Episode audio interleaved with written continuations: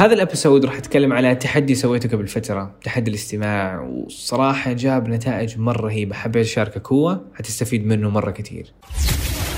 This is دليلك بودكاست فاليوم صراحة بتكلم على نقطة جدا جدا مهمة. راح أبدأ بحاجة أسميها تحدي الاستماع. تحدي الاستماع فكرته إنه كل من اليوم أبغى كل واحد منكم حرفيا يبدأ يسمع برنامج صوتي ساعة واحدة يوميا. ويستمر عليه 30 يوم.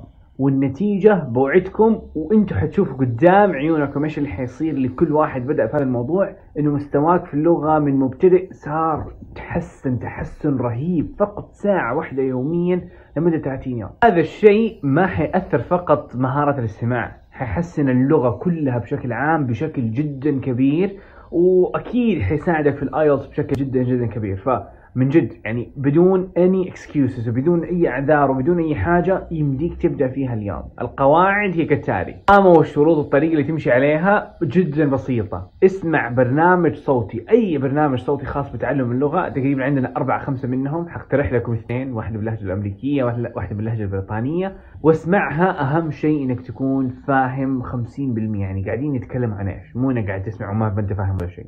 تكون فعلا فاهم التفاصيل. يعني مو كل كلمة لا. فاهم بيتكلموا عن إيش بيقترحوا إيش. إذا مستواك مبتدئ وحاولت تسمع برنامج صوتي وإنت ما إنت فاهم شيء أو فاهم 10 20% فاهمك بدوبك قاعد تفهم قاعد إيش الموضوع اللي يتكلم عنه مو التفاصيل. ففي هذا السيناريو تبدأ بثلاث مراحل. البرنامج الصوتي نفسه طبعا المواقع اللي حاعطيكم هي حيكون فيها آه نص اللي هو ترانسكريبت ففي أول مرة تسمع وتتابع الترانسكريبت وإذا في مشكلة في الترانسكريبت توقفه وتبطئه أو مثلا توقفه وبعدين تقرا وفي نفس الوقت الكلمات الصعبة اللي تجيك ترجمها. الكلمات الصعبة اللي حرفيا ما عندك أي فكرة عليها ترجمها كلمة كلمة الكلمات المهمة.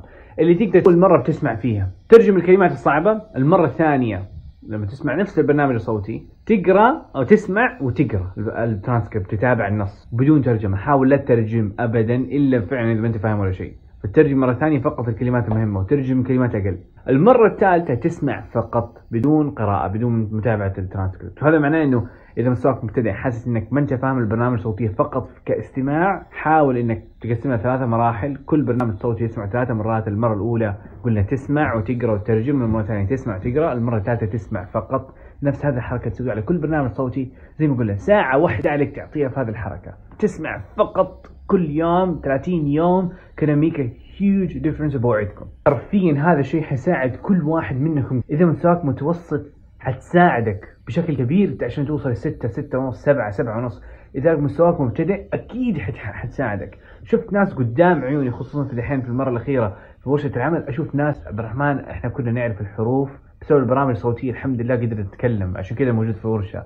ناس جابوا أربع ناس ما شاء الله يعني باختصار يعني ما يحتاج لا معاهد لا تعقيد. It's just about the listening وتسمع بنفس هذه الطريقة انك تسمع فقط استماع اذا أنت فاهم. إذا ما أنت فاهم تاخذ ثلاثة مراحل زي ما قلت لك عليها. تسمعوه وأنت رايح في الطريق. مو لازم تكون جالس كذا مركز عليه خمسة يعني 24 ساعة.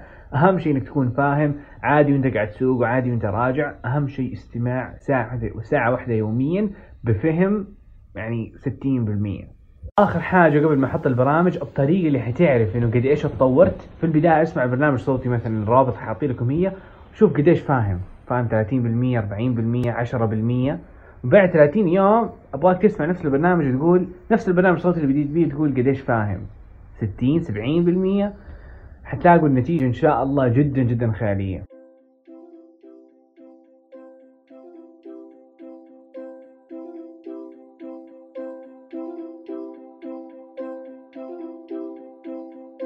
Thank you so much for listening. مرة مقدر اهتمامك واستماعك ودعمك. فهذه الأيام صراحة بحاول إنه أعطي أفضل ما عندي وإنه أساعد الجميع.